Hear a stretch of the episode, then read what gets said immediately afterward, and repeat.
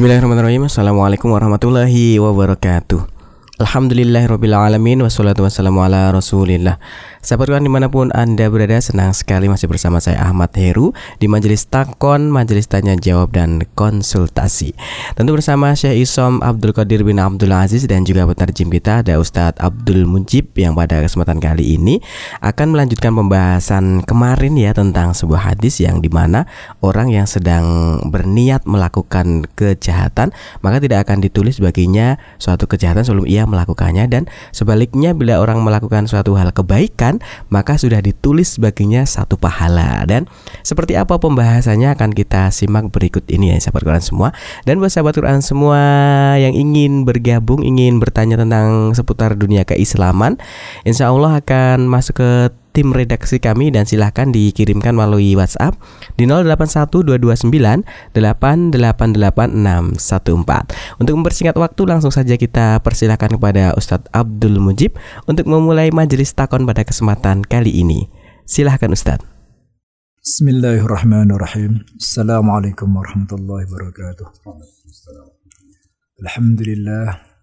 Alhamdulillahilladzi arsala rasulahu bil huda wa dinil haqq أشهد أن لا إله إلا الله وحده لا شريك له وأشهد أن محمدا عبده ورسوله اللهم صل وسلم وبارك على حبيبك رسولك سيدنا ومولانا محمد وعلى آله وصحبه أجمعين Para pendengar di Karima yang berbahagia, Alhamdulillah kembali bersama kami dalam majelis takwan bersama dengan Syekh Abdul Qadir Abdul Aziz sebagai narasumber dan saya Abdul Mujib Johar sebagai penerjemah masih melanjutkan pembahasan yang kemarin ya tentang uh, tahapan-tahapan yang dilalui oleh seorang hamba sebelum dia berbuat maksiat ya sebelum dia berbuat dosa. Ya.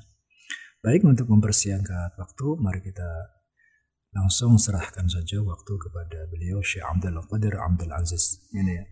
Pemazilna natakallam 'anil mawdu' al-madi ini يعني المراحل التي يمر عليها العبد الإنسان قبل وقوع إلى المعصية أي إلى الإثم. جزاكم الله خيرا. السلام عليكم ورحمة الله. وبركاته. بسم الله الرحمن الرحيم. الحمد لله رب العالمين. والصلاة والسلام على أشرف الخلق وأطهرهم وأزكاهم محمد بن عبد الله صلى الله عليه وسلم. الرحمة المهداة والنعمة المسداة والسراج المنير البشير النذير. اللهم أحينا على سنته وأمتنا على ملته وارزقنا شفاعته وأرزقنا صحبته في الفردوس الأعلى ومتعنا بلذة النظر إلى وجهك الكريم. اللهم آمين يا رب العالمين. اللهم سلمني وسلم مني. اللهم سلمني وسلم مني. اللهم سلمني وسلم مني. أما بعد. وتكلمنا في اللقاء السابق عن مسألة الهم وكيف يصل الإنسان إلى هذه المرحلة. وضربنا مثالا على ذلك بأن الهم له ثلاثة حالات. الحالة الأولى يكون الإنسان فيها مأجورا والحالة الثانية يكون الإنسان فيها مأزورا والحالة الثالثة يكون الإنسان فيها لا هو مأجور ولا هو مأزور يعني بمعنى أنه معذور. هكذا.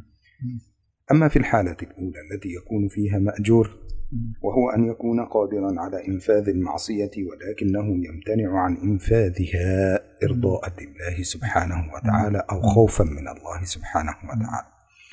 وأما الحالة التي أما أن يكون مأذورا فله حالتان وهو أن يمتنع للعجز يعني يمتنع للعجز أو يمتنع لغير القدرة فقط.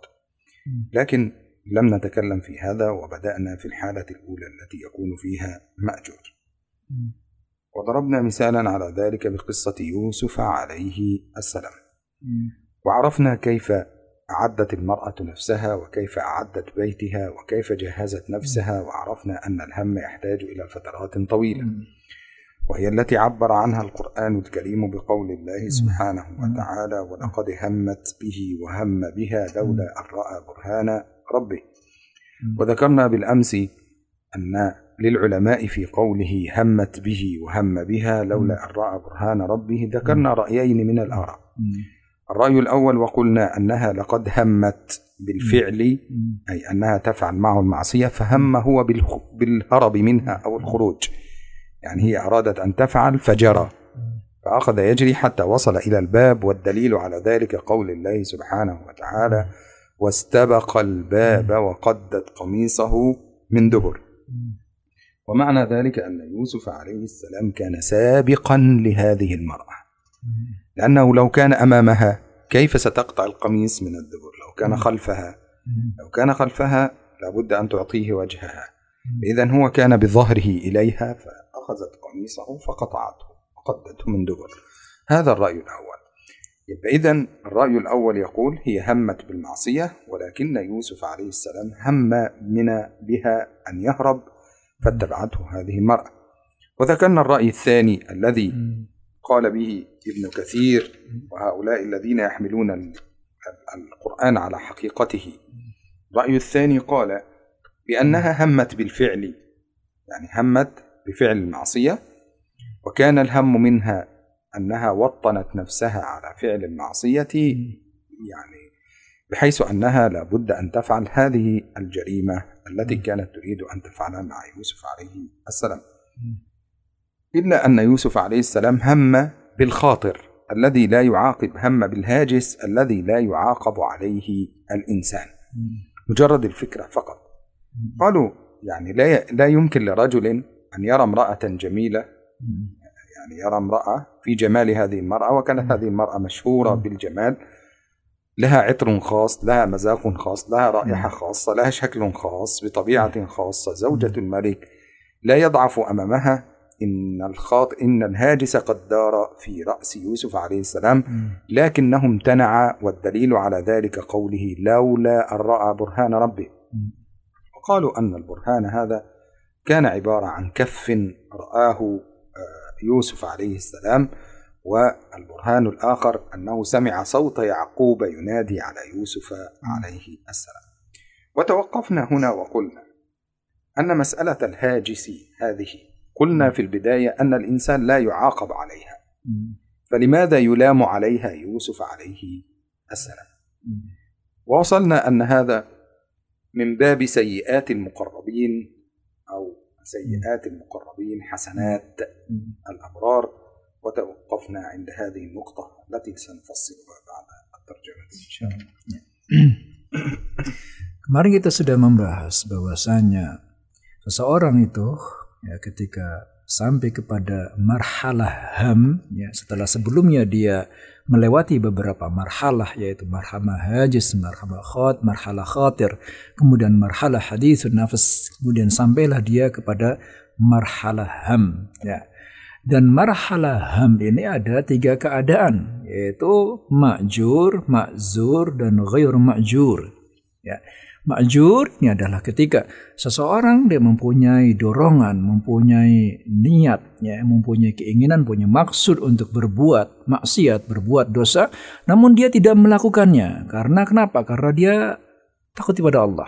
Ya. Jadi dia mempunyai kemampuan, dia mempunyai maksud, mempunyai tujuan, ya, untuk berbuat maksiat, dan dia mempunyai kemampuan untuk melaksanakan kemaksiatan tersebut, tapi dia tidak melaksanakannya. Inilah yang inilah yang makjur ya.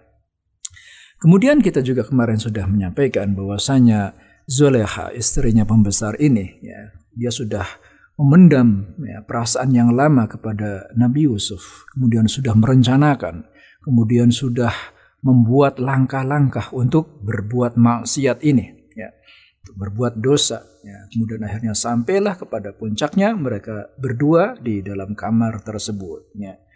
Maka uh, Zulekha ini sudah bertekad, sudah berkeinginan untuk berbuat maksiat. Ya, maka di sinilah Al-Quran menceritakan tentang mereka. Walaqad hammat bihi wa hamma biha. Walaqad hammat bihi wa hamma biha. Ya, para pendapat yang pertama dari mufassirin. Walaqad hammat bihi wa hamma biha.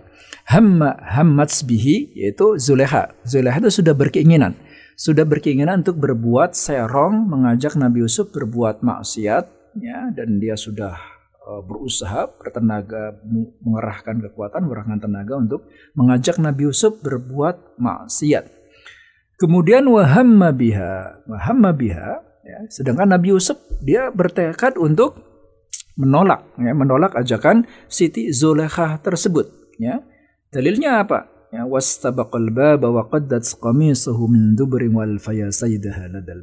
Ya. Jadi mereka berlari-lari, mereka berdua berlomba-lomba lari menuju pintu, ya. Kemudian Siti Zuleha memegang bajunya Nabi Yusuf dari belakang, kemudian koyaklah ya, bajunya Nabi Yusuf ini. Dalil bahwasanya Nabi Yusuf ini menghindari dan beliau telah uh, mendahului lari menghindar dari Siti Zoleha ini buktinya adalah bajunya itu koyak dari belakang. Misalnya kalau dia uh, memenuhi ajakan Nabi eh, memenuhi ajakan Siti Zoleha ya, atau Siti Zoleha kemudian menolaknya itu bajunya bukan koyak dari belakang tapi dari dari depan. Tapi karena Nabi Yusuf lari menghindari Siti Zoleha, kemudian Siti Zoleha mengejarnya dari belakang, ya, kemudian bajunya ditarik, maka bajunya koyak dari belakang. Ya, inilah yang inilah yang mak yang masuk akal. Ya.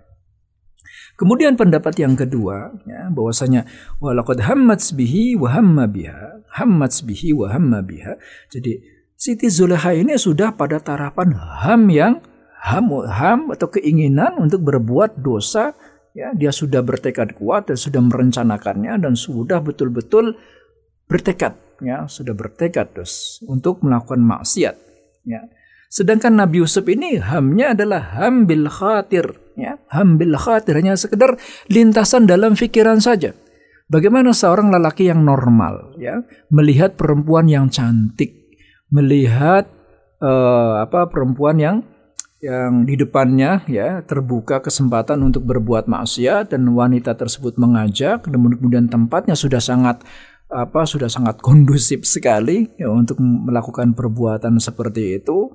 Tempatnya aman, tersembunyi, kemudian tempatnya tersebut sudah di apa dihiasi dengan hiasan-hiasan yang semakin uh, mendorong gejolak uh, sahwatnya seorang laki-laki, belum lagi di apa di uh, tambahi dengan parfum-parfum, tentu saja sahwatnya bergejolak. Ya.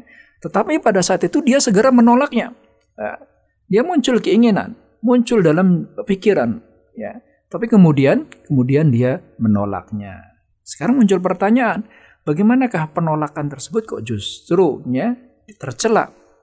Maka inilah kita mengatakan kita katakan bahwasanya yang semacam ini adalah sayyatul muqarrabin ya. Sayyatul muqarrabinnya itu kesalahan-kesalahan orang-orang yang mendekatkan diri kepada kepada Allah وهذا كما قال الإمام الشاطبي في كتابه الموافقات قال هذا من باب سيئات المقربين حسنات الأبرار ما معنى هذا الكلام؟ هذه قاعدة عند الأصوليين أو أنها يعني تعتبر قاعدة عند العلم.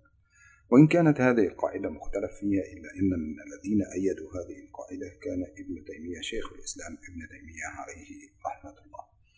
فقال إن للمقربين عند الله عز وجل درجات لدرجة أنهم إذا تركوا النوافل لدرجة أنهم إذا تركوا النوافل يسألوا عنها.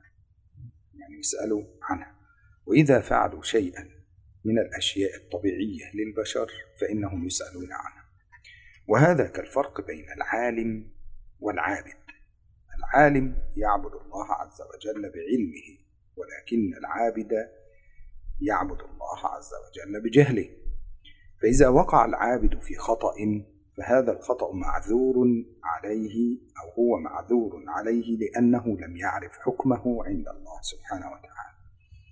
ولذلك قالوا أن سيئة العالم قال العلماء قال الإمام الجنيد سيئة العالم بسبعين سيئة من الجاهل سيئة العالم بسبعين سيئة من الجاهل لماذا؟ لأن النبي صلى الله عليه وسلم قال فضل العالم على العابد كفضل القمر على سائر الكواكب.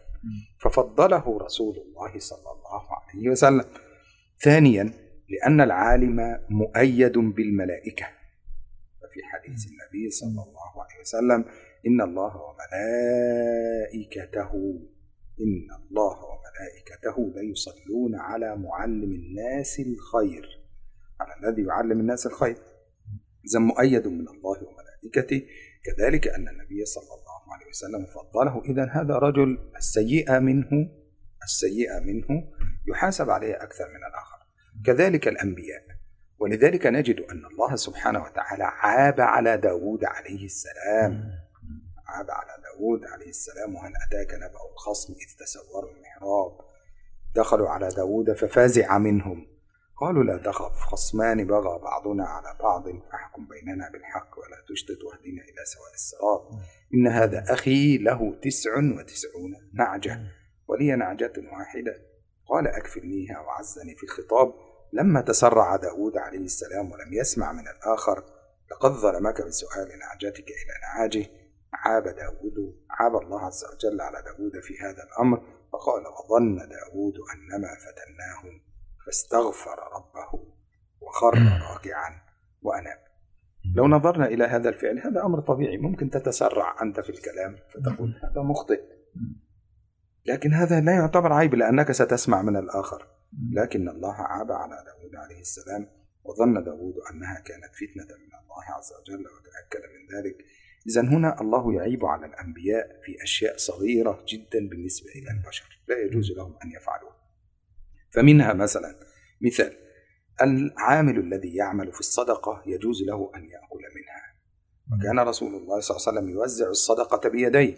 فلما جاء الحسين يأكل من الصدقة ضربه رسول الله على يديه وقال كخ كخ نحن آل محمد لا نأكل من طهارة أوساخ الناس.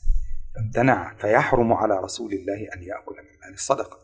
كذلك لأن آل بيت رسول الله صلى الله عليه وسلم أناس طاهرون فلا يجوز لهم أن يقبلوا الصدقة ولا يجوز لهم أن يأخذوها سواء كان هذا من مع النسل كله. أي واحد يعرف أنه من نسل رسول الله صلى الله عليه وسلم حتى يومنا هذا فلا يجوز له أن يأكل من مال الصدقة أو يأخذ من هذه الأشياء. نظرا للحديث الذي حدث هذا لأن حينما ننظر إلى هذا فنجد أن الأنبياء أو المقربين هناك أشياء تحرم عليهم يفعلوها تكون في حقهم فرضا وفي حقنا سنة. من الأشياء التي كانت في حق محمد صلى الله عليه وسلم فرضا صلاة الوتر. فكانت واجبة في حقه صلى الله عليه وسلم. صلاة الضحى كانت واجبة في حقه صلى الله عليه وسلم. قيام الليل أو التهجد كان واجبا في حقه صلى الله عليه وسلم أما نحن في حقنا هذه الأشياء فهي سنة ولذلك الأشياء التي يفعلها المقربون تكون في درجة أقل بالنسبة إلى الأبرار أو إلى العباد أو إلى من يريد أن يتعبد ولذلك عد الهاجس الذي حدث من يوسف عليه السلام. هذا أنه سيئة. مع أنه لا يعتبر سيئة ولا يحاسب عليه الإنسان لكن لأن درجته ومقامه عند الله كبير فعد عليه ذلك سيئة ونأخذ مثالا آخر من إبراهيم عليه السلام. Jadi Nabi Yusuf ini ya, baru mah, baru dalam tahapan apa? Tahapan khatir. Ya. Kalau ada yang mengatakan hammats bihi wa hamma biha. Ya, sama-sama ham ya, jadi baik Siti Zulekha sudah berkeinginan, ya. kemudian Nabi Yusuf juga sudah berkeinginan, tapi derajatnya beda ini. Ya, antara ham Nabi antara ham dari Siti Zulekha dengan ham Nabi Yusuf ini derajatnya berbeda. Kalau Ham Siti Zulekha ini sudah pada tahapan Ham yang memang sudah berbuat uh, untuk betul-betul bertekad untuk berbuat. Tetapi kalau Nabi Yusuf hamnya ini adalah ham yang sebenarnya manusiawi saja, ya manusiawi, sifat manusiawi hanya lintasan dalam pikiran saja, hanya bisikan dalam pikiran, bisikan nafsu saja. Tapi kok kemudian Nabi Yusuf dalam hal ini dicela. Inilah ada masalahnya ya. Karena ada berlaku kaidah sayyatul muqarrabin hasanatul abrar ya. Sayyatul muqarrabin hasanatul abrar. Ini ada kaidah seperti ini. Ya. Sebagaimana disebutkan oleh uh, Imam Ash-Shatibi dalam Al-Muwafaqat ya. Jadi ada beberapa amalan, ya, ada beberapa amalan. Amalan itu sebenarnya amalan sunnah, ya, amalan sunnah. Tetapi bagi seseorang, bagi orang-orang tertentu yang derajatnya di sisi Allah itu tinggi, ya seorang orang orang dari kalangan nabi, kalangan orang-orang yang alim, ya itu adalah tercela, ya. Dan juga demikian juga tabiatul bashar, ya sifat manusiawi, sifat manusiawi yang wajar dikerjakan oleh seseorang, ya Tetapi apabila itu dikerjakan oleh orang yang derajatnya tinggi di sisi Allah, seorang nabi, seorang alim, ya, maka itu uh, tercela. Ya.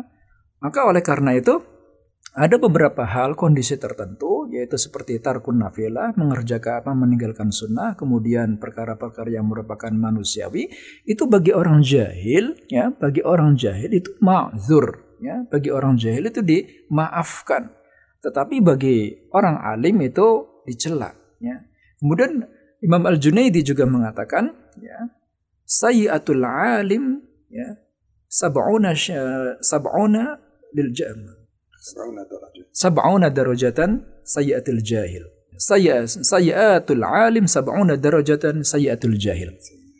Min sayyatil jahil. Ya. Uh, kesalahan. Kesalahan seorang yang alim. Kesalahan seorang yang alim itu satu kesalahan seorang alim itu sebanding dengan 70 kali kesalahan orang-orang orang-orang yang bodoh. Ya. Jadi tidak sama. Satu kesalahan, kesalahannya jenisnya sama tetapi apabila dikerjakan oleh orang alim, ini uh, kesalahannya, dosanya itu berlipat-lipat bahkan 70 kali lipat daripada orang-orang yang orang-orang yang awam, orang-orang yang bodoh. Ali karena kenapa? Karena sabda Rasulullah sallallahu alaihi wa alihi wasallam, "Fadlul alim 'ala al-'abid ka fadlil qamar 'ala sairil kawakib." Fadlul alim 'ala al-'abid ya. Jadi keutamaan orang yang alim atas orang yang hamba seorang yang ahli ibadah tapi dia tidak alim ya. Itu seperti uh, keutamaan uh, bulan purnama atas seluruh atas seluruh planet ya ini. Kemudian yang kedua karena kenapa? Karena orang alim ini dia muayyadun bil malaikah ya. Seorang alim muayyadun bil malaikah. Dia di backup ya di backup oleh malaikat ya Sebagaimana sabda Rasulullah sallallahu alaihi wasallam ya, innal wa innal malaikata in, innal malaikata la yusalluna 'alal 'alim. Inna Allah wa malaikatahu yusalluna 'alal 'alim hatta al ala muallimin nas al khair hatta al hud fi juhriha. Inna Allah wa malaikatuhu yusalluna 'alal 'alim hatta al hud ala muallimin nas al khair hatta al hud fi juhriha.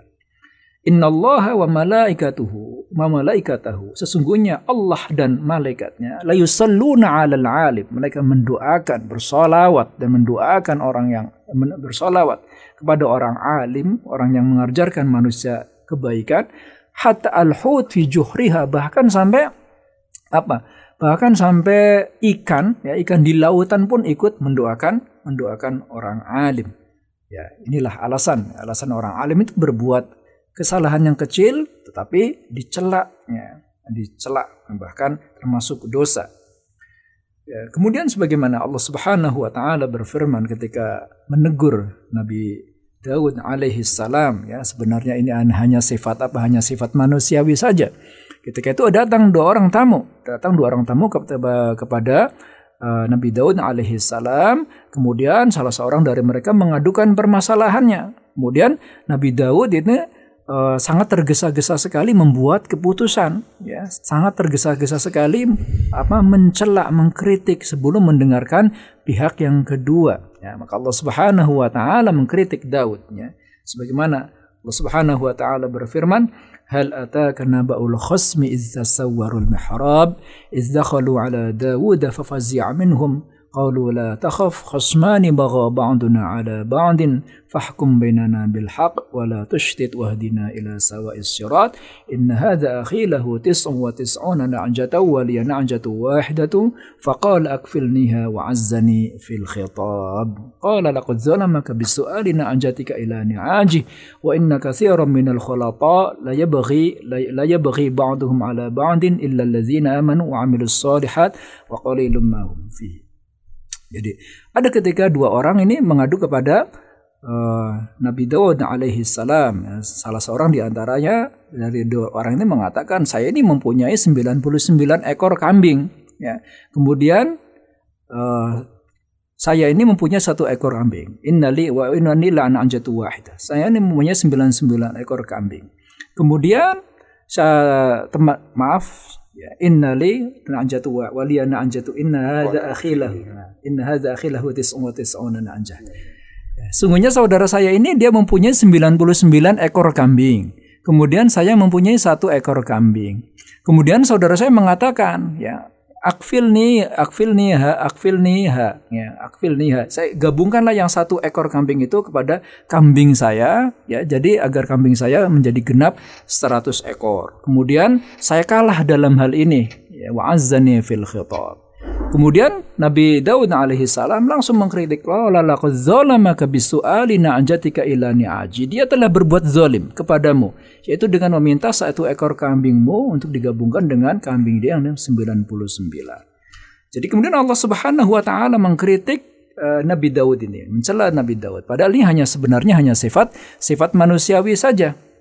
Ya, siapa pun di antara kita mungkin kalau dihadapkan pada permasalahan ini bisa jadi cepat memberikan kesimpulan bahkan keputusan memberikan kesimpulan sebelum mendengarkan uh, omongan yang lain meskipun nanti Nabi Daud sebenarnya juga akan mendengarkan omongan omongan pihak yang lain ya.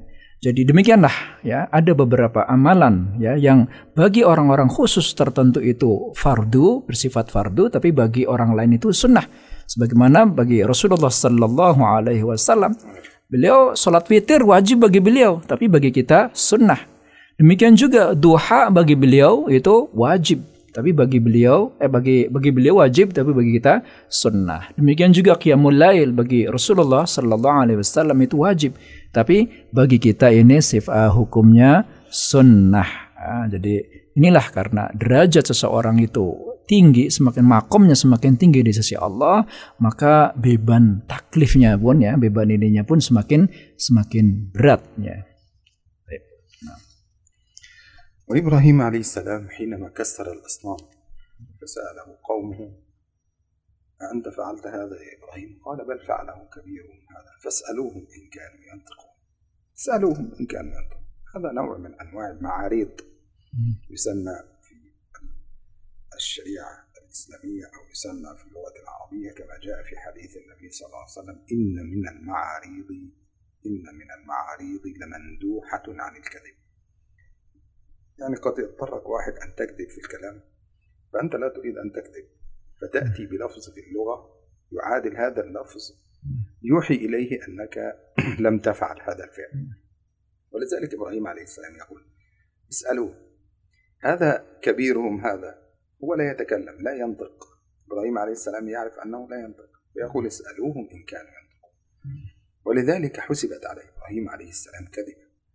فيأتي يوم القيامة والدليل على ذلك أن محمدا أن الناس يذهبون إلى إبراهيم عليه السلام في حديث الشفاعة الطويل.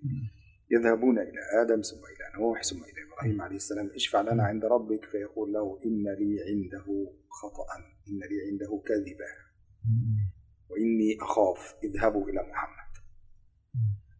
يأمرهم أن يذهبوا إلى محمد صلى الله عليه وسلم. لماذا؟ لأنها حسبت عليه كذبا.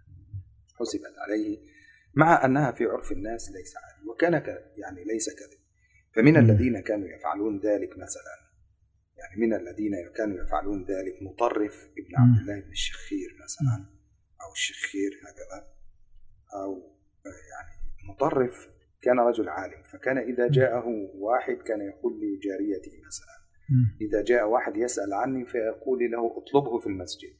مع أنه يجلس في البيت في الداخل. لكن هذا ليس من الكذب اطلبه في المسجد. يعني ابحث عنه في المسجد هو في الداخل. فهمت؟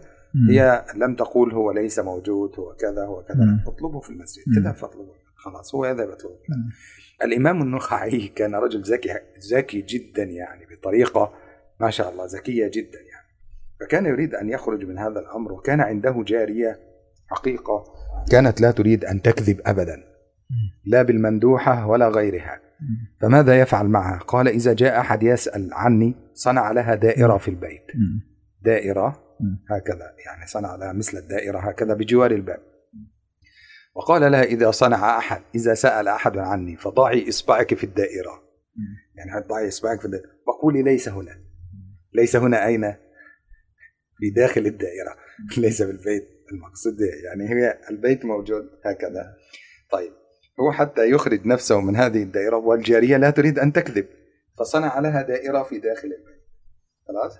الإمام النخعي يجلس في البيت هنا. فحتى هي لا تكذب ماذا تفعل؟ تضع يدها في الدائرة وتقول ليس هنا. هل هو يجلس في هذا المكان؟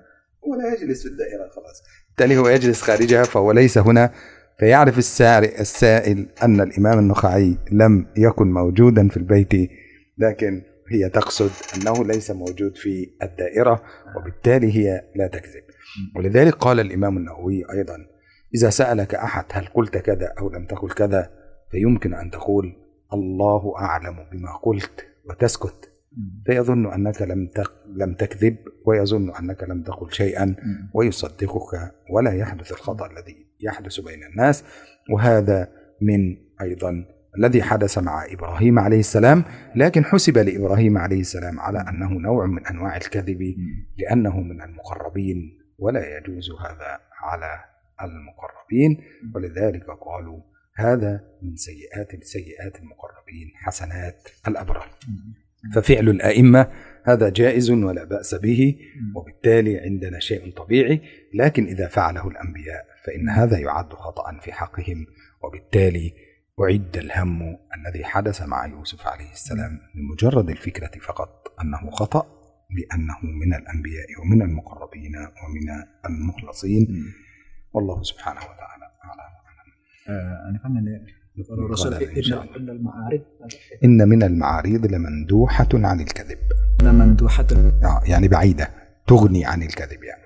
مندوحة عن الكذب آه وقال عمر بن الخطاب إن من المعاريض لمغنيات عن الكذب لمغنيات نعم يعني تغني عن الكذب Kemudian salah satu contohnya adalah ya uh, sebagaimana yang dilakukan oleh Nabi Ibrahim alaihissalam ya ketika beliau menghancurkan patung-patung ya kemudian kaumnya bertanya wahai Ibrahim ya, apakah engkau yang menghancurkan patung-patung itu Ya apakah engkau yang menghancurkan patung-patung itu kemudian Nabi Ibrahim jawabnya gimana ya beliau tidak menjawab tidak ya, tidak menghancurkan patung-patung tersebut beliau tidak gitu Beliau menjawabnya bal fa'alahu kabiruhum hadza fas'aluhum in kanu yantiqun.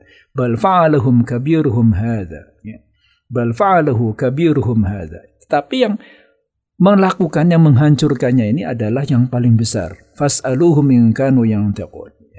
Jadi Nabi Ibrahim tidak membantah tuduhan mereka, tapi uh, ada ucapan ya yang term yang dalam bahasa Arab disebut dengan ma'arid ya. Jadi seolah-olah itu adalah uh, Nabi Ibrahim itu membantah mereka, tapi sebenarnya Nabi Ibrahim menunjukkan kepada yang lain, ya, kepada yang lain. Tapi beliau tidak berbohong, ya, beliau tidak berbohong.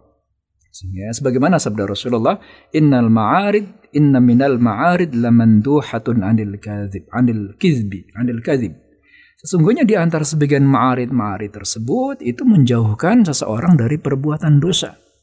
Demikian juga Umar bin Khattab radhiyallahu an mengatakan inna minal ma'arid la mughniyatun 'anil kadzib. Sesungguhnya sebagian dari ma'arid-ma'arid itu itu membuat orang tidak perlu untuk melakukan untuk melakukan uh, perbuatan dusta.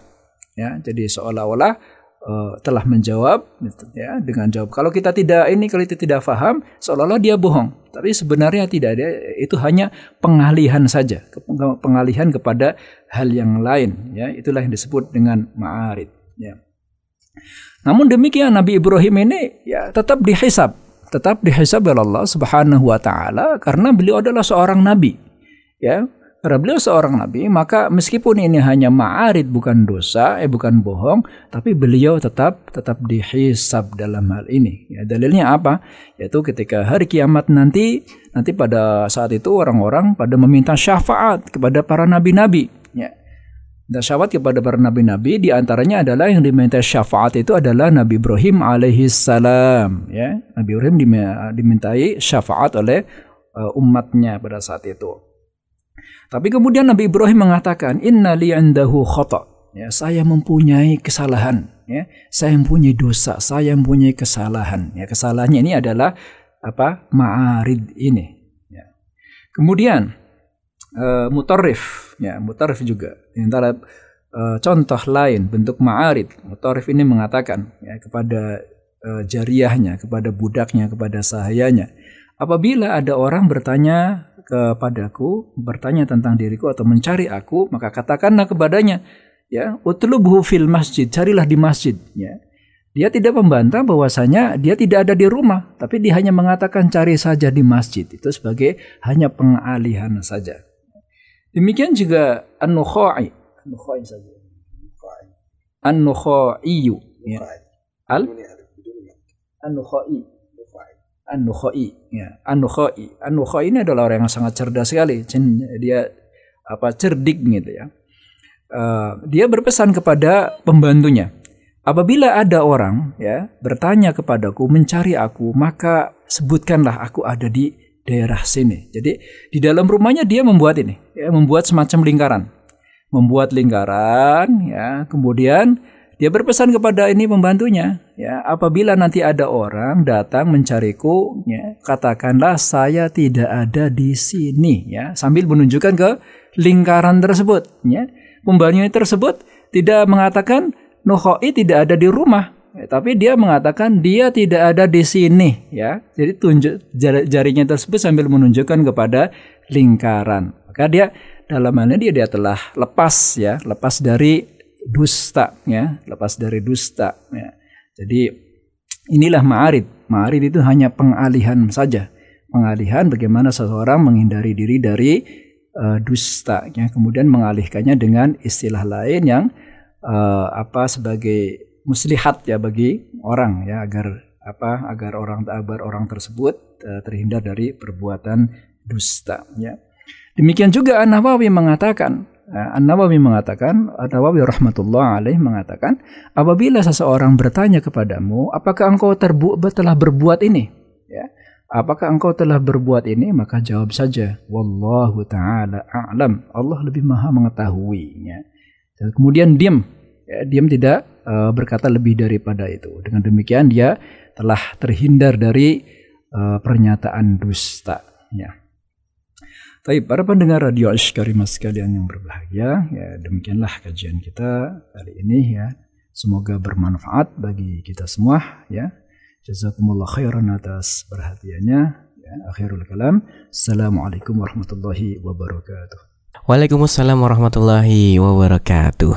Sahabat Quran di mana pun Anda berada Demikian tadi pembahasan Majelis Takon pada edisi kali ini Dan insya Allah akan dilanjutkan di edisi yang akan datang. Dan Heru ingatkan sekali lagi buat sahabat Quran yang ingin bergabung Ingin bertanya tentang dunia keislaman Silahkan sahabat Quran bisa mengirimkannya ke line SMS WhatsApp ataupun Telegram kami Di 081229888614 Akhirnya saya Heru yang bertugas Mewakili Syekh Isom Abdul Qadir bin Abdul Aziz dan juga mutarjim kita ada Ustadz Abdul Mujib pamit undur diri dari ruang dengar sahabat Quran semua. Nantikan majelis takon, majelis tanya jawab dan konsultasi esok hari di jam yang sama. Subhanakallahumma bihamdika asyhadu an la ilaha illa anta astaghfiruka wa atubu. Wassalamualaikum warahmatullahi wabarakatuh.